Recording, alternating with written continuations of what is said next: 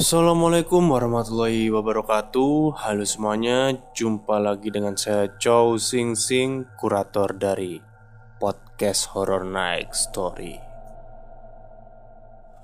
Oke apa kabar semuanya? Semoga pada sehat semua ya. Baik seperti biasanya Saya hari ini akan membawakan Sebuah kisah mistis. Dan kisah mistis kali ini adalah kiriman dari Mas Hakim yang dulu pernah bekerja di hotel di daerah Bogor. Seperti apa kisahnya? Mari kita sim. Selamat malam sobat podcast horor. Nama saya Hakim. Ini cerita dulu waktu saya bekerja di salah satu hotel di daerah Bogor. Waktu itu saya baru banget dipindah.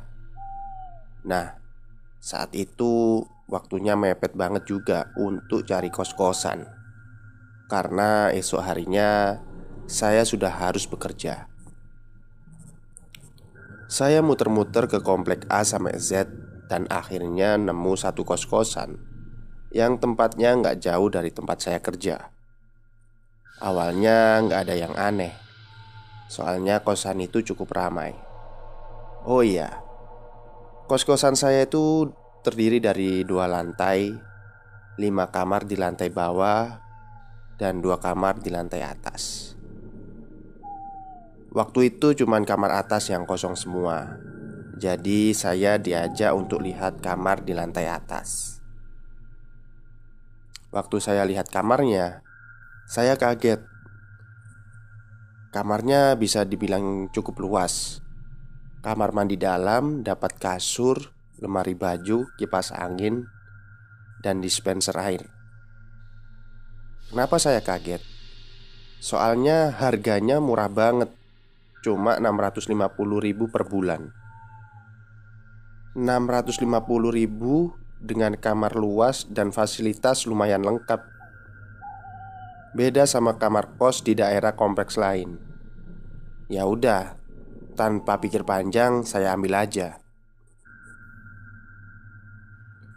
Letak kos saya itu kalau dari hotel tempat saya kerja Cuman berjarak 10 menit jalan kaki.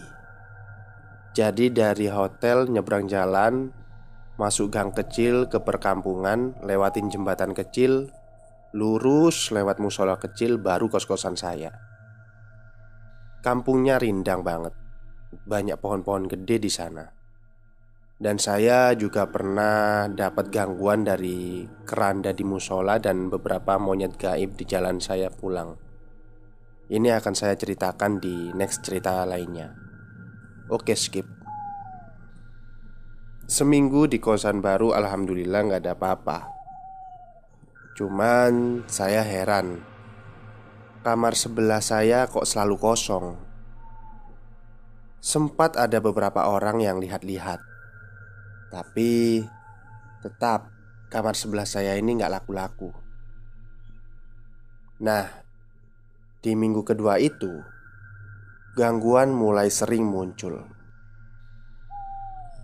Di suatu malam Pas saya lagi asyik main HP Tiba-tiba saya merasakan kehadiran seseorang di depan pintu kos saya Suaranya seperti orang yang sedang naik tangga.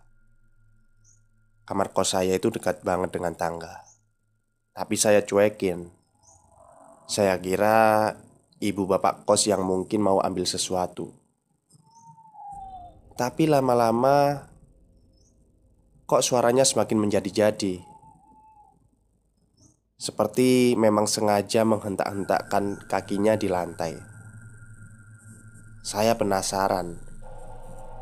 Saya lihat dari bayangan selipan di bawah pintu. Di situ saya lihat seperti ada bayangan orang yang mondar-mandir di depan kamar saya. Saya cek lihat dari jendela, tapi kosong. Saya lihat lagi dari bawah pintu. Masih ada bayangan yang mondar-mandir. Akhirnya, saya buka pintu saya.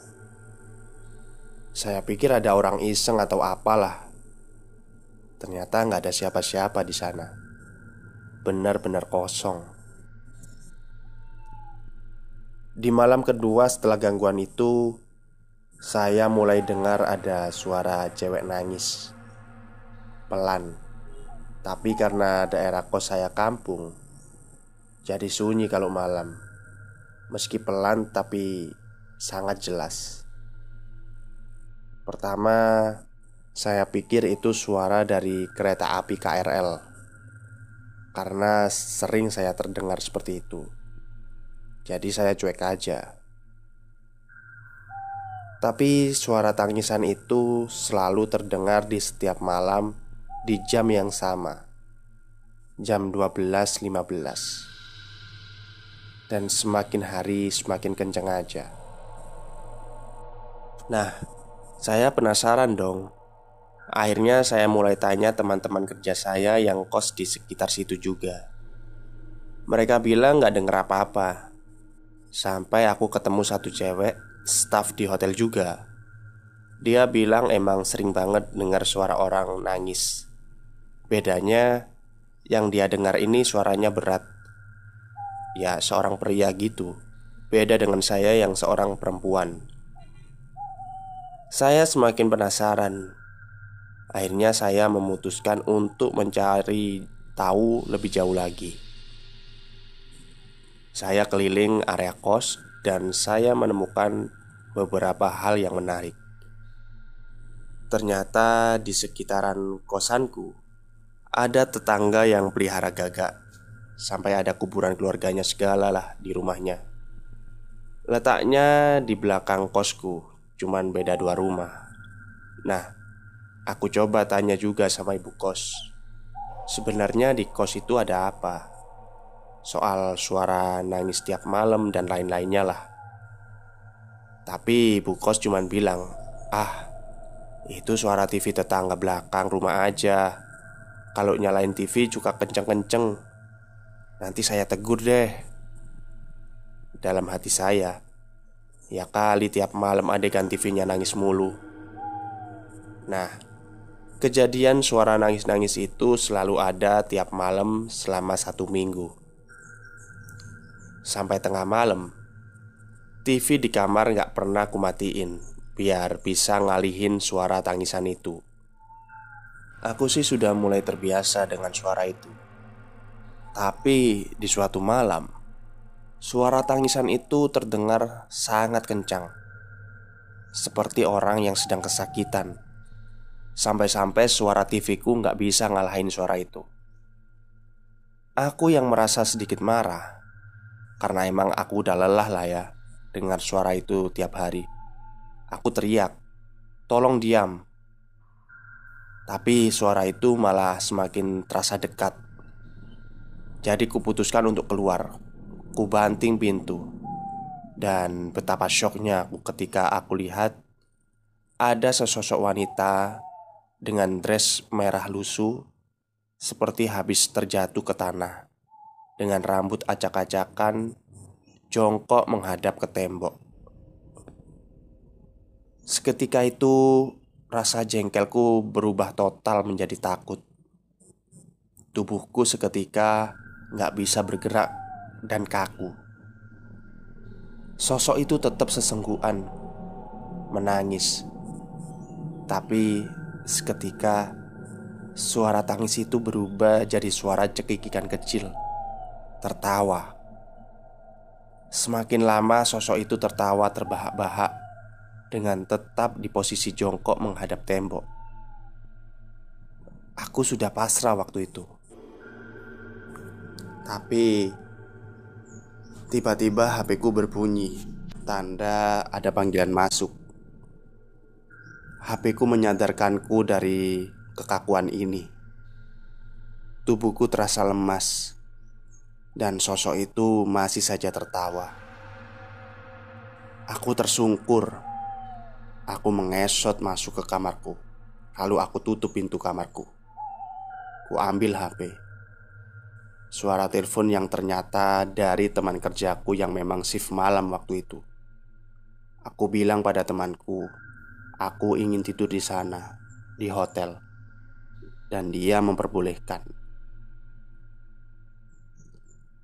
Lalu dengan berdoa aku buka pintu kamarku Kulirik di sebelah pojok tempat sosok tadi menangis Alhamdulillah Sosok itu telah hilang Aku hela nafas panjang. Kututup pintu lalu aku berjalan keluar menuju hotel tempat kerjaku. Dengan sedikit lari-lari kecil. Tapi tiba-tiba Aku dengar lagi suara cekikikan dekat sekali di telingaku. Pas aku toleh, ternyata sosok itu sudah berada tepat di atas genteng kamar kosku. Aku berlari sekencang mungkin sambil mengumpat keras. Jancuk. Dan malam itu aku tidur di office hotel sampai pagi. Dan paginya aku izin gak masuk kerja karena pergi untuk mencari kos baru. Dan sekarang setiap kali aku cari kos Aku selalu teliti Dan selalu bertanya pada pemilik kos Apakah sebelah kanan kiri kosku Penghuninya adalah manusia atau sesuatu yang lain. Terima kasih. Ini saja cerita saya. Selamat malam. Oke Terima kasih kepada Mas Hakim yang sudah mau berbagi kisah mistisnya pada kami, dan memang ya, masalah kosan atau kontrakan itu sering terjadi pada kita seorang perantau.